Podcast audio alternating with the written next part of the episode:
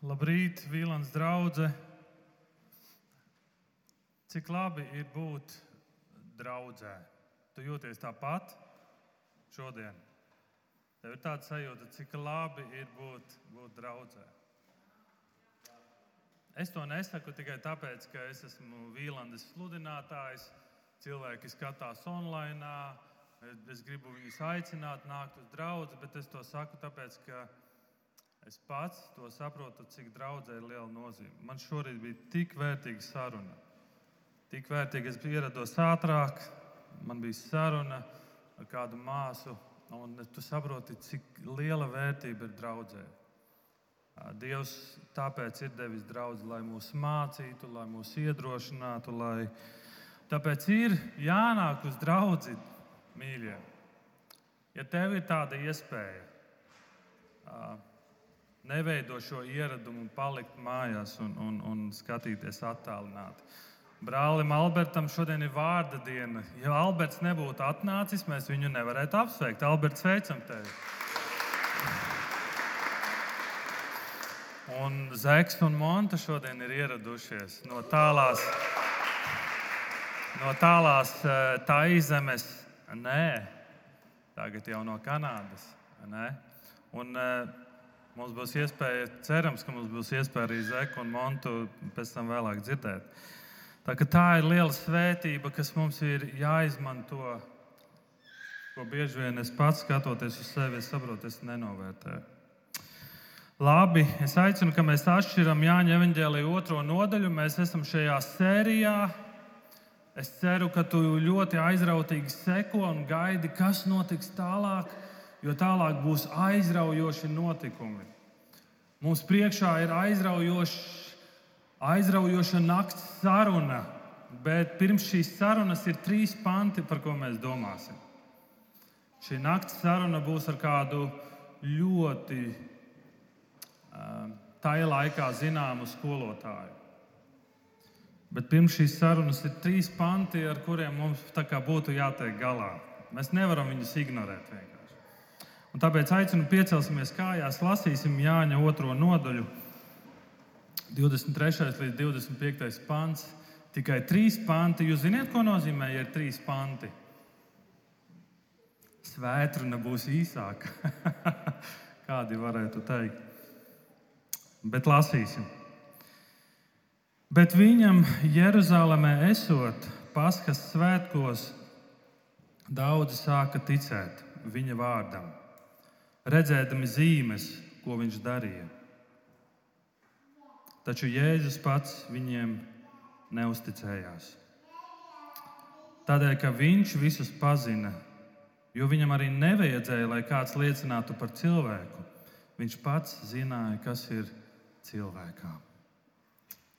Āmen. Lūksim. Jēzu Kristu, mēs pateicamies Tev par šo rītu. Mēs pateicamies, ka Tu esi uzticams. Mēs pateicamies, ka tu esi tik žēlastības pilns. Mēs pateicamies par atdošanu. Mēs pateicamies par to darbu, ko tu esi darījis. Mēs pateicamies par to, ka tu nāci uz šo pasauli pie mums, šajā netīrībā, šajā tumsā, lai vestu mūsu gaismā. Mēs pateicamies par to, kā tu sauc mūs.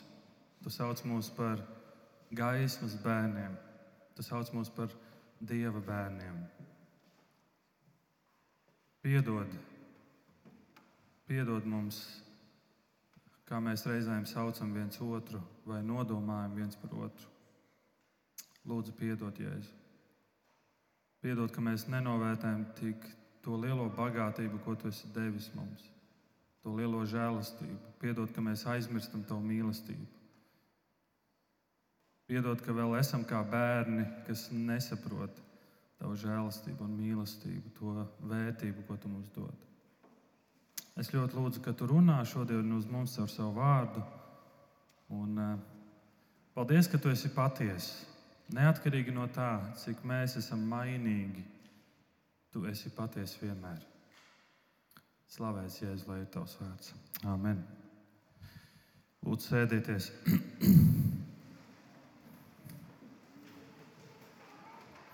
Šajā nedēļā es ar eh, savu mazāko meitiņu devāmies uz eh, būvmateriālu veikalu. Neteikšu, kuru, tāpēc, ka filmē. Mēs devāmies uz kādu būvmateriālu veikalu. Un, uh, Un tāpēc, ka tajā veikalā ir arī daudz, daudz, daudz mantiņas, ko Matilda gribēja aplūkot, un bija kāds, kāda lieta, ko man vajadzēja nopirkt. Tad mēs staigājam pa to veikalu, un, un mēs staigājam, un, un tad Matilda skatās savu mantiņu, nekas īsti neinteresē, nevar atrast to, ko viņa gribētu. Un es eju un es ieraugu tādu mazu šaha galdiņu. Tādu, un ļoti nedārgi. Es domāju, oh, es varētu nopirkt, un atnāk viesi, varētu uzspēlēt šāhu. Nu, ko es paņēmu, un mēs nebijām paņēmuši iepirkumu groziņu. Un es to šāda galdiņu paņemu tā padusē, un es staigāju vienkārši. Un mēs ejam, un tad eh, es eju līdz Matildai, vai tev patīk šī lieta, vai šī. Nē, īsti neinteresē. Tad ejam to, ko vēl vienu lietu meklēt, un to nevaram atrast. Mēs staigājot pa to lielu veikalu, mēs aizrunājamies. Paskatos pulkstenē, es saku, Matilda, mums, mums jādodas viss, un mēs dodamies ārā pa veikalu. Ļoti mierīgi, neaizdomīgi man padusē šaha galdiņš, mēs izējam ārā. Nekas nepīkst, neviens nereaģē. Mēs aizējām līdz mašīnai, es tulīt vēršu mašīnu vaļā un es skatos, man šāda galdiņš padusē. Es skatos, pulkstenī laika nav. Un man ienāk doma prātā, ka viņš bija lēts. Taču vienkārši aizmirstam un dodamies tālāk, jo nav laika. Un tad es iedomājos, Matilda uz mani skatās, un es saprotu, ka Dievs uz mani skatās. Dievs redz. Un tad es domāju, ok, Matilda kā pārā no mašīnas, ejam atpakaļ veikalā. Mēs ejam atpakaļ veikalā, neviens neko nepamana. Mēs pat neesam aizdomīgi. Mēs aizējām pie kasēm, mēs samaksājam, samaks, viss ir samaksāts, viss ir izdarīts. Un tad mums ar Matildu sanāk saruna. Es viņai jautāju, tu zini, kāpēc mums bija jānāk atpakaļ un kāpēc mums tas bija, bija jādara. Viņa saka, jā, lai mēs nebūtu zagļi. Un tieši tā, es saku pareizi, bet zinu, kāpēc vēl? Tāpēc, ka Dievs visu redz. Tāpēc, ka Dievs skatās.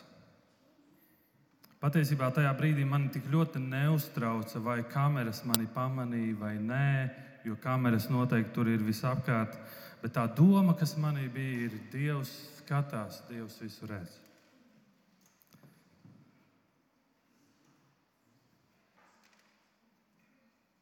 Šodienas panti, šodienas trīs panti mums kaut ko, kaut ko pastāsta, kaut ko svarīgu grib pastāstīt. Un tas, ko mēs redzam šodienas pantos, no iepriekšējās nodaļas, otrā nodaļa iet uz beigām, un tūlīt sāksies trešā nodaļa. Tā ir tāda kā pāreja uz trešo nodaļu. Un mēs 23. pantā lasām, Jēzum Jeruzalemē esot, Paskas svētkos daudzi sāka ticēt viņa vārdam, redzēdami zīmes, ko viņš darīja. Šodienas panti, trīs panti tikai. Bet patiesībā, lasot šos pantus, tajos ir kaut kas ļoti satraucošs.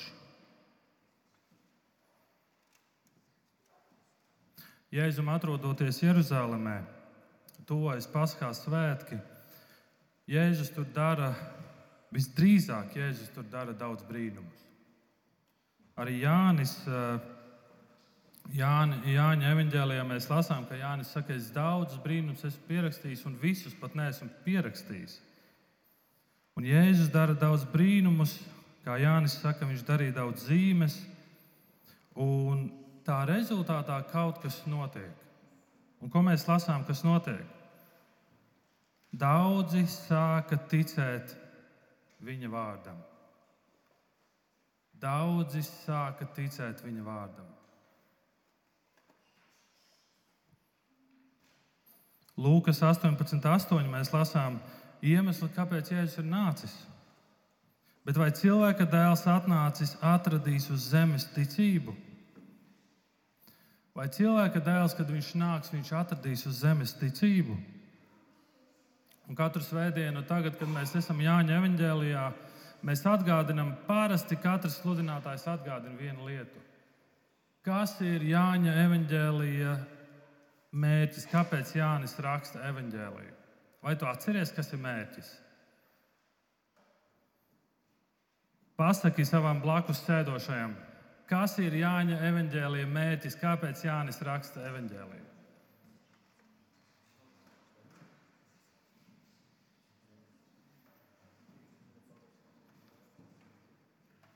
Dāvi droši vari ar priekšējo soli sarunāt, pastāstīt, kā tu domā, kas ir mērķis.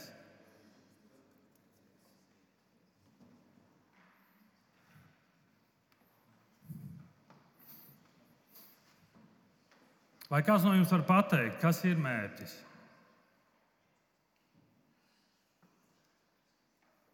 Un tas mērķis ir rakstīts Jāņa Evanģēlē beigās. Šie visi brīnumi, zīmes ir rakstītas. Jāņa 20, 30 līdz 31. Vēl daudzas citas zīmes, ja es darīju savu mācekļu priekšā, par kurām šajā grāmatā nav rakstīts, bet šīs ir rakstīts, lai jūs ticētu lai mēs ticētu, ka Jēzus ir Kristus, Dieva dēls, un lai jums, kas ticat, būtu dzīvība viņa vārdā. Lai mēs ticētu. Un šajā 23. pantā mēs redzam, ka Jēzus Jeruzalemē dara brīnumus, un cilvēks sāk ticēt. Vai tās nav labas ziņas?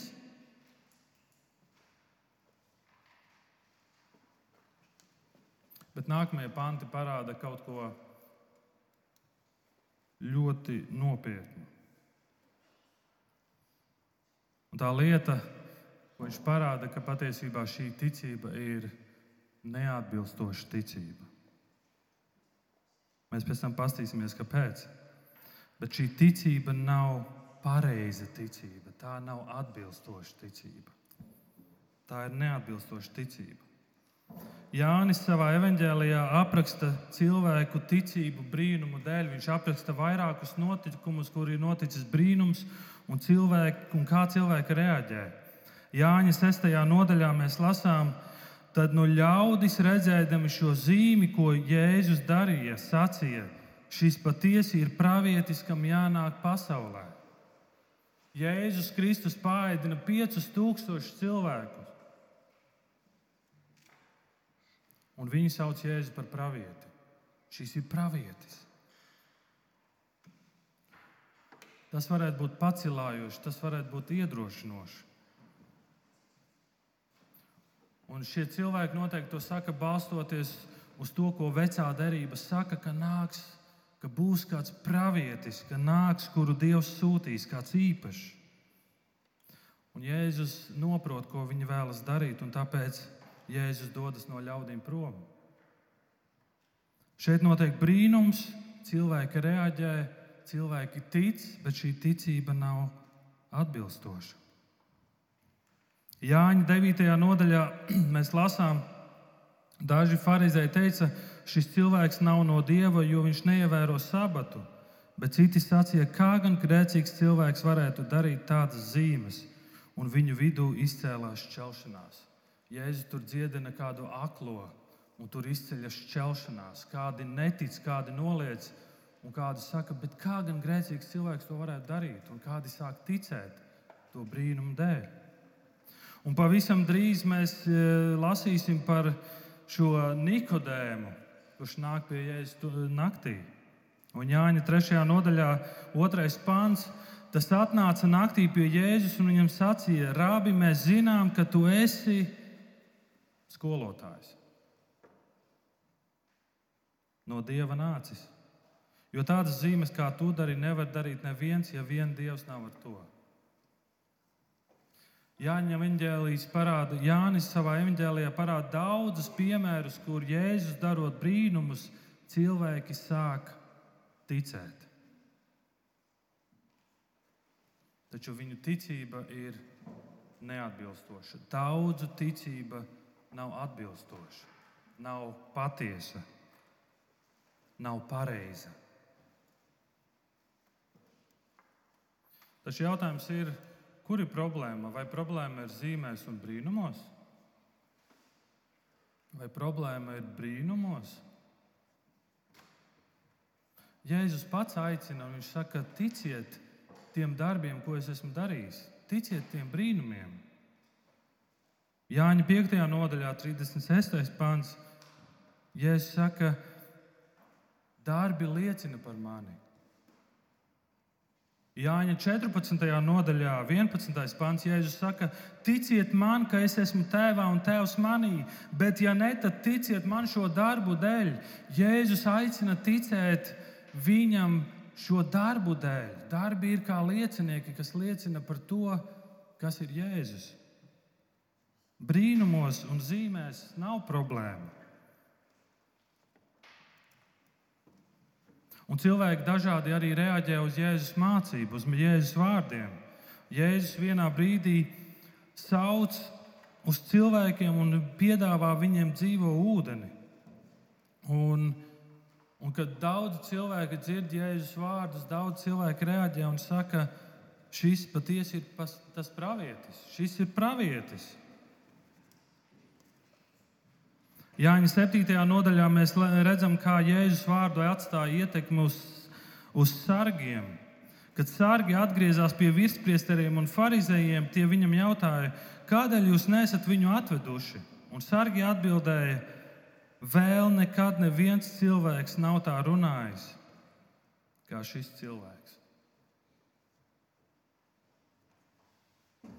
Jēzus darbi Jēzus brīnumi ir atstājuši ietekmi uz cilvēkiem. Jēzus vārdi ir atstājuši ietekmi uz, uz cilvēkiem. Bet, no šiem, bet daudzi no viņiem, viņu ticība nav bijusi adekvāta, nav bijusi pareiza.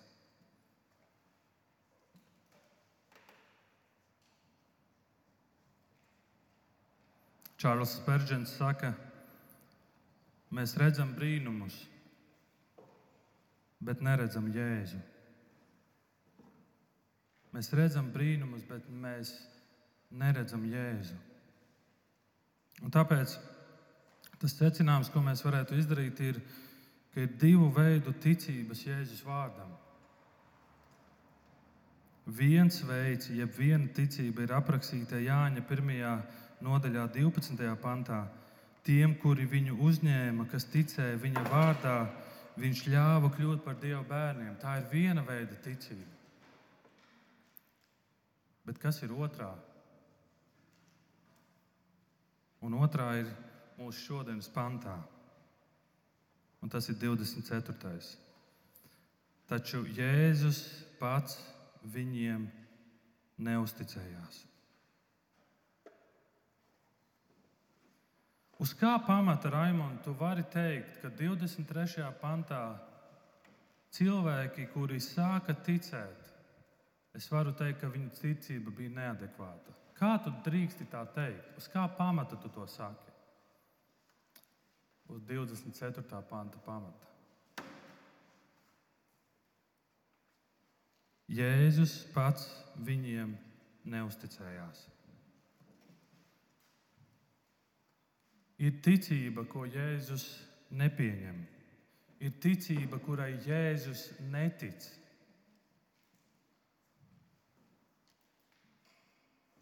Un Jānis savā evanģēlijā parāda tādu kontrastu starp gaismu un tumsu. Un šajā, šajos pantos viņš parāda kontrastu starp vienu ticību un, un otru. Jāņa 3.18. Kas tic viņam, tas netiek tiesāts, bet kas netic, tas jau ir notiesāts. Ap 23. un 24. pantu ir spēcīgs kontrasts. Viņi redzēja zīmes, viņi ticēja, bet Jēzus viņam neusticējās. Nopietni vārdi.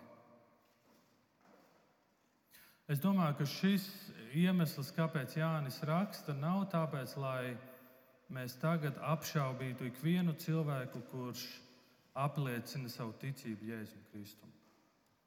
Tas nav mērķis tam, ka oh, cilvēks apliecināja savu ticību, viņš nāk un kristās, ka tagad mums jāšaubās par katru apliecību. Nē. Tomēr tas, ko šie panti parāda, un arī ko Jāņa Evanģēlijas parāda, ka ir iespējams, ka daži, kas apgalvo, ka ir ticīgi, patiesībā ir viltus ticīgie. Viņa ticība nav īsta, viņa ticība nav patiesa. Daudzi draudzes locekļi ir prom, ir pazuduši, viņi ir noraidījuši ticību. Mārtiņš Luters reiz teica, mums vienmēr jāgaida no cilvēka labākais, īpaši no ticīgajiem. Un tomēr atcerieties, ka viņi var kļūdīties un apmaldīties.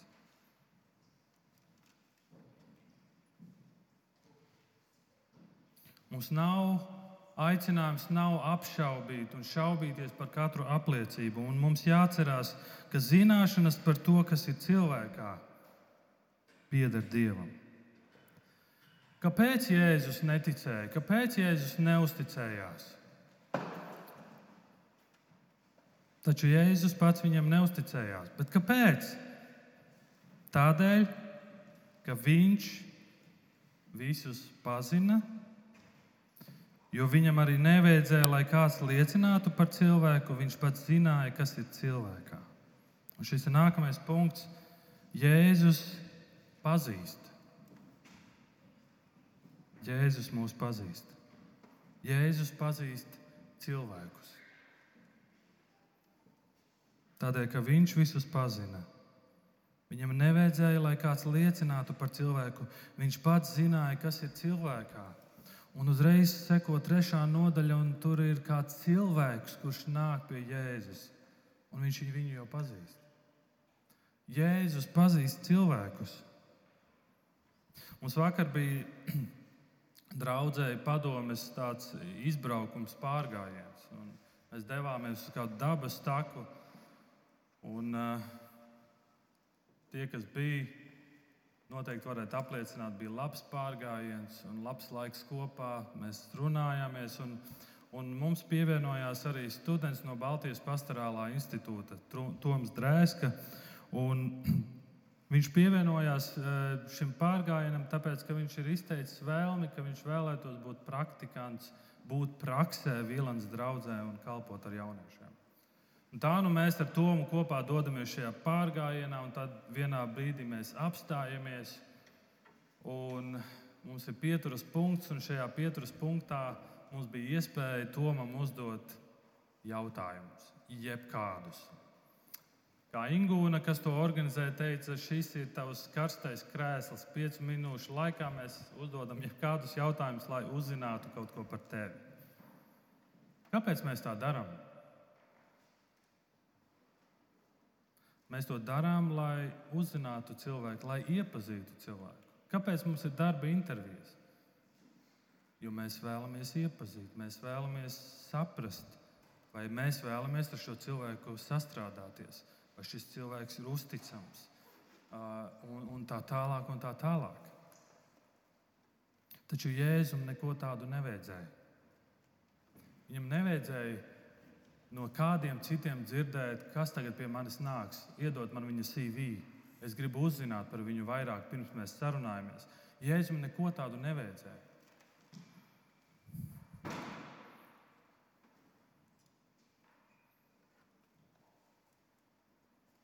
Un tas ir, jā, tas ir, tā ir viena no lietām, tā ir viena no liecībām, ko, Jē, ko Jānis pieraksta savā evanģēlijā, ka Jēzus pazīst cilvēkus. Jāņa 6. nodaļa, 64. pāns. Bet ir kādi starp jums, kas netic. Jēzus jau no iesākuma zināja, kuri ir tie, kas netic, un kurš ir tas, kas viņu nodos. Jēzus pazina jūdu. Viņš zināja jūda, jūda nodomus. Viens no maniem mīļākajiem psalmiem, ko Mārtiņš šorīt lasīja. Tu zini, kad es sēžos un kad ceļos. Tu noproti manas domas no tālo, tāluma. Manu došanos un manu apmešanos tu izvērtīji. Visi mani ceļi satek pie tevis. Vēl vārds nav nācis man uz mēles. Redzi, kungs, tu visu jau zini. Kungs visu zini. Jēzus tevi pazīst. Vai tu atceries, pirmajā nodaļā mēs lasījām par to, kā Jēzus satiek savus mācekļus? Tur ir Natanijāls, kas nāk pie Jēzus. Tu atceries šo sarunu? Pirmā nodaļa, 47. pāns. Jēzus redzēja Natanijālu nākumu un sacīja par viņu: Redzi, patiesi izrēlietis, kurā nav viltības. Es satieku kādu cilvēku, kas varētu pateikt, redzi, patiesi cilvēks ar skaistiem matiem, vai patiesi muskuļains, vai patiesi no ārpuses es kaut ko varētu pateikt. Bet, Jēzus kaut ko saka, pazīstot sirdi, viņš redz, kas ir, kāda ir tava sirds, viņš redz savu, tavas domas. Redzi patiesi izrēlietis, kurā nav viltības. Zini, ko tas nozīmē? Tavā dzīvē nevar būt pilnīgi noslēpumi. Jā, mēs varam saņemties un noslēpt kādas lietas viens no otra. Mums var būt noslēpumi, ko mēs varam noslēpt no cilvēkiem. Bet mēs neko nevaram noslēpt no Jēzus. Cilvēks, kuram rūp visvairāk, viņš zina visvairāk. Cilvēks, kuram ir, būs spriedums par tevi, viņam ir svarīgi zināt visu par tevi. Tu esi pilnībā zināms katru stundu, katru tavu sirds kambari. Nav nekas, ko Jēzus nezina. Un šis nav stāsts par Ķīnu, kur ir tāda video kameru novērošanas sistēma, ka pēc gaitas jau var noteikt tavu identitāti, kas tu esi. Tas nav stāsts par mākslīgo intelektu. Jēzum tādu nevajag. Viņš zina visu par tevi.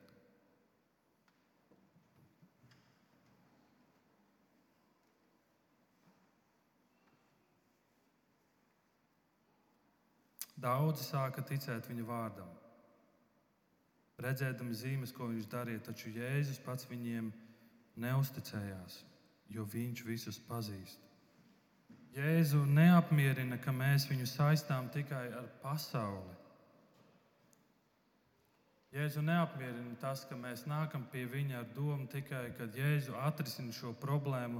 Tu manā dzīvē esi vajadzīgs tikai tāpēc, lai atrisinātu manas dzīves problēmas. Tā nav adekvāta ticība, tā nav pareiza ticība. Un tur tā lieta, tā, tā problēma ir tāda, ka bieži vien mums ir tāda vispārēja interese par Kristu. Ir kādi, kurus interesē Kristus personība.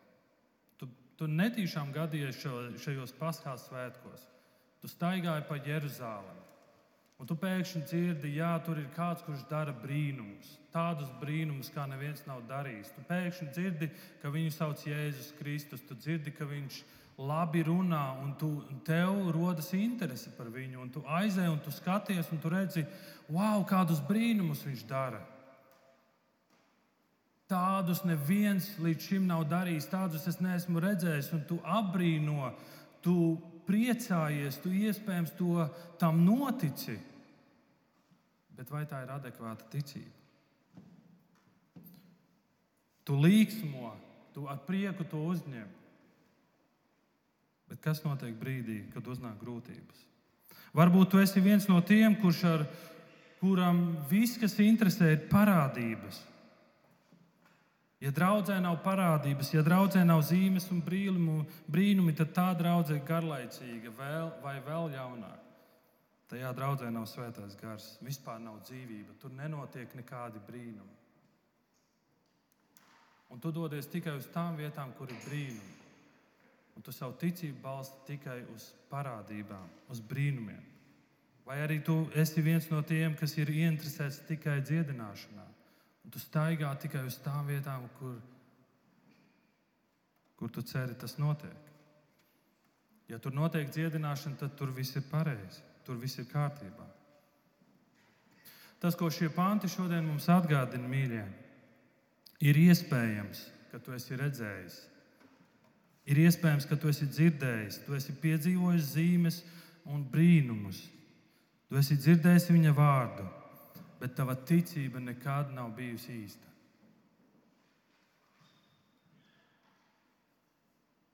Varbūt tu esi viens no tiem, kurš domā, ka kristietība ir pievilcīga.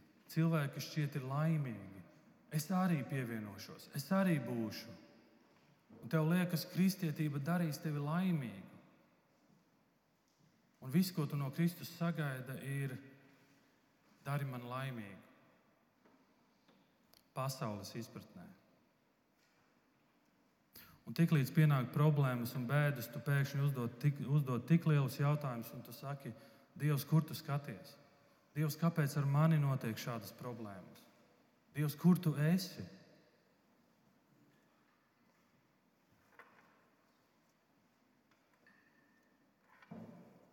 Divdesmit trešajā pantā cilvēki ir ļoti ieinteresēti Kristū. Viņi ir ļoti ieinteresēti tajā, ko viņš saka. Viņi ir ļoti ieinteresēti zīmēs. Bet jautājums ir, vai viņš ir ieinteresēts tevī? Vai viņš ir ieinteresēts tevī? Bet kā to zināt? Kā zināt, kad Kristus ir tevī ieinteresēts? Jāņa pirmajā nodaļā mēs redzam vairākus vīrus, ko sauc par Jēzus mācekļiem. Mēs redzam, ka Jēzus viņos ir ieinteresēts. Kā mēs to zinām? Viņš iet pie viņiem, viņš runā ar viņiem, viņš izaicina viņus.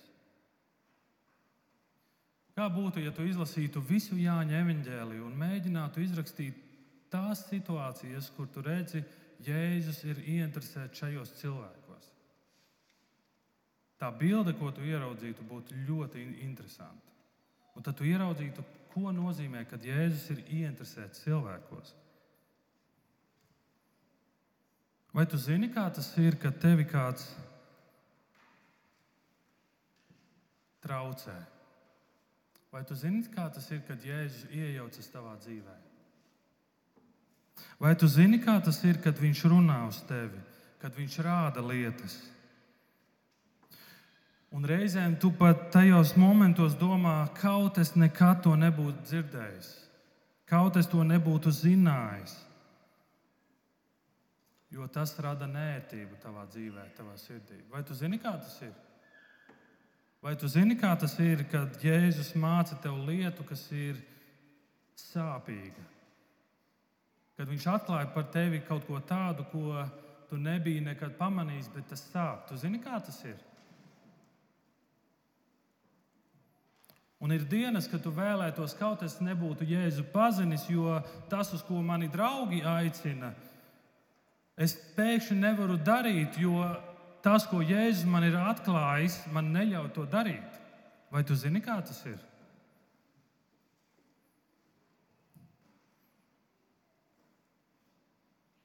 Tas ir tāpēc, ka Jēzus ir iejaucies tavā dzīvē.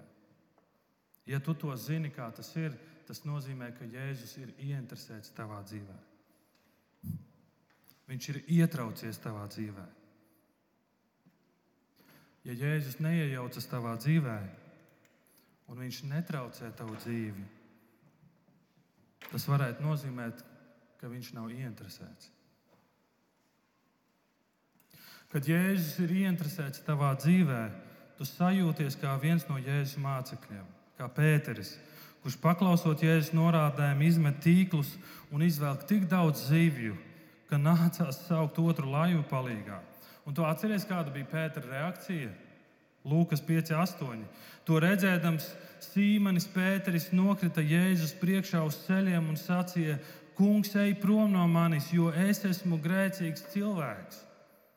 Vai tu zini, kā tas ir, kad tu jūties grēcīgs cilvēks? Kad Jēzus ir ieinteresēts tavā dzīvē, tev ir šī grēka apziņa. Tu savā dzīvē raudi par saviem grēkiem. Vai tu zini, kā tas ir? Kad Jēzus ir ieinteresēts tevī, tad viņš caur savu garu atklāja, ko nozīmē viņa nāve, ko nozīmē viņa augšām celšanās. Un tu pēkšņi piedzīvo tādu mieru, kā pasaule nespēja dot. Tu dzīvo piedod, tu piedzīvo atdošanu un prieku caur to. Tu jūti, ka viņš velk sevi tuvāk sev. Un tev ir tāda drošības sajūta, ka nekas un neviens mani nespēja atņemt no tā, ko Jēzus man ir devis. Vai tu zini, kā tas ir?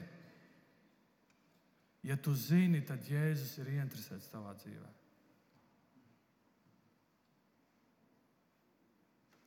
Mateja 7. nodaļā mēs lasām nopietnus vārdus, 21. līdz 23. pants.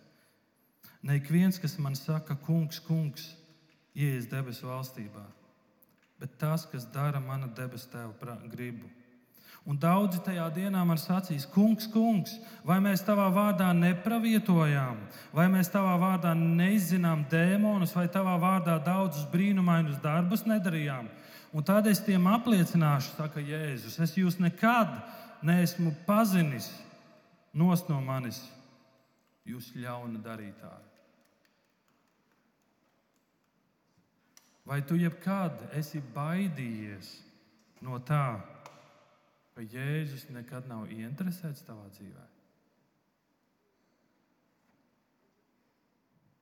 Ja, nekad tas, ja tu nekad par to neesi satraucies, ja nekad tas tevi nav baidījis, tad iespējams Jēzus nav ieinteresēts tavā dzīvē. Bet, ja tev ir bijusi, bijušas šīs bailes, Jēzus ir ieinteresēts tavā dzīvē.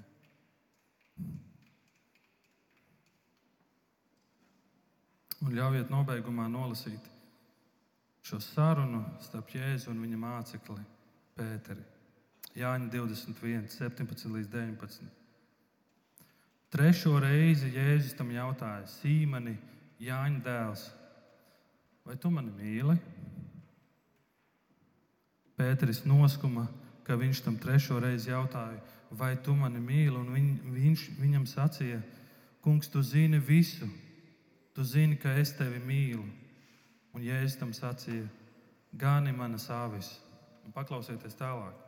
Patiesi, patiesi es tev saku, ka tu biji jauns Tu apjozies un gāji, kur gribēji. Bet, kad tu kļūsi vecs, tu izstiepsi savas rokas, un cits tevi jozīs un vedīs, kur tu negribi. To viņš sacīja, norādījams uz to, kādā nāvē Pēteris pagodinās Dievu. Jēzus zina visu par tevi, un pēc tam Jēzus saka, seko man. Seko man. Jēzus mūs pazīst. Viņš pazīst manu ticību, cik tā ir patiesa, cik tā ir īsta. Un, ja tu šodien pamani, ka Jēzus ir ieinteresēts tavā dzīvē, tad tas ir iemesls, lai viņam pateiktos.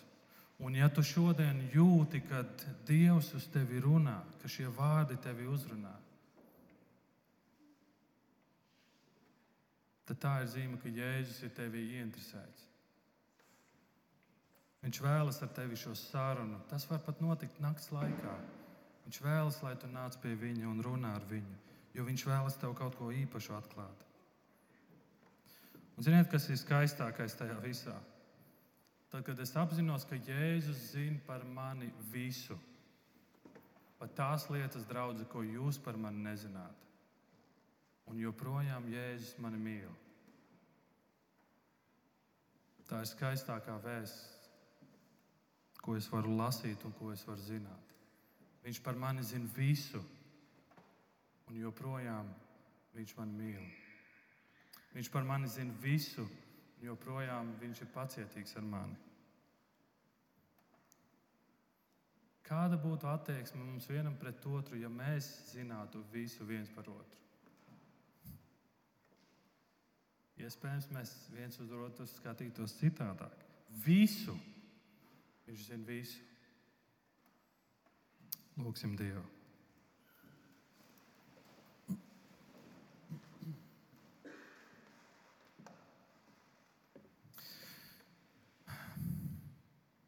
Jēzu, paldies Tev par šodienas vārdu. Daži panti spēja atklāt tik daudz. Un kā mēs lasījām 139. psalmā, pārbaudi manu ticību. Jēzus pārbaudi mani, vai es esmu uz patiesības ceļa. Varbūt manī ir iesadzies lepnums, un es paļaujos tikai uz sevi. Es sevi uzskatu augstāk par citiem. Piedod, Lūdzu, Jēzu. Paldies, ka tu zini par mums visu. Un šī zināšana, ka tu zini visu, atklāja kaut ko par tevi, ka tu esi Dievs. Tu neesi tikai skolotājs, tu neesi tikai pravietis, tu esi pats Dievs, kurš ir nācis uz šo pasauli, uz šo zemi. Paldies, Tev, Jēzus, ka Tu esi nācis. Paldies, ka Tu zini par mums visu. Un zinot par mums visu, Tu joprojām mūs mīli. Mēs Tev par to pateicamies un Tevi slavējam par to. Jēzus tavā vārdā. Amen.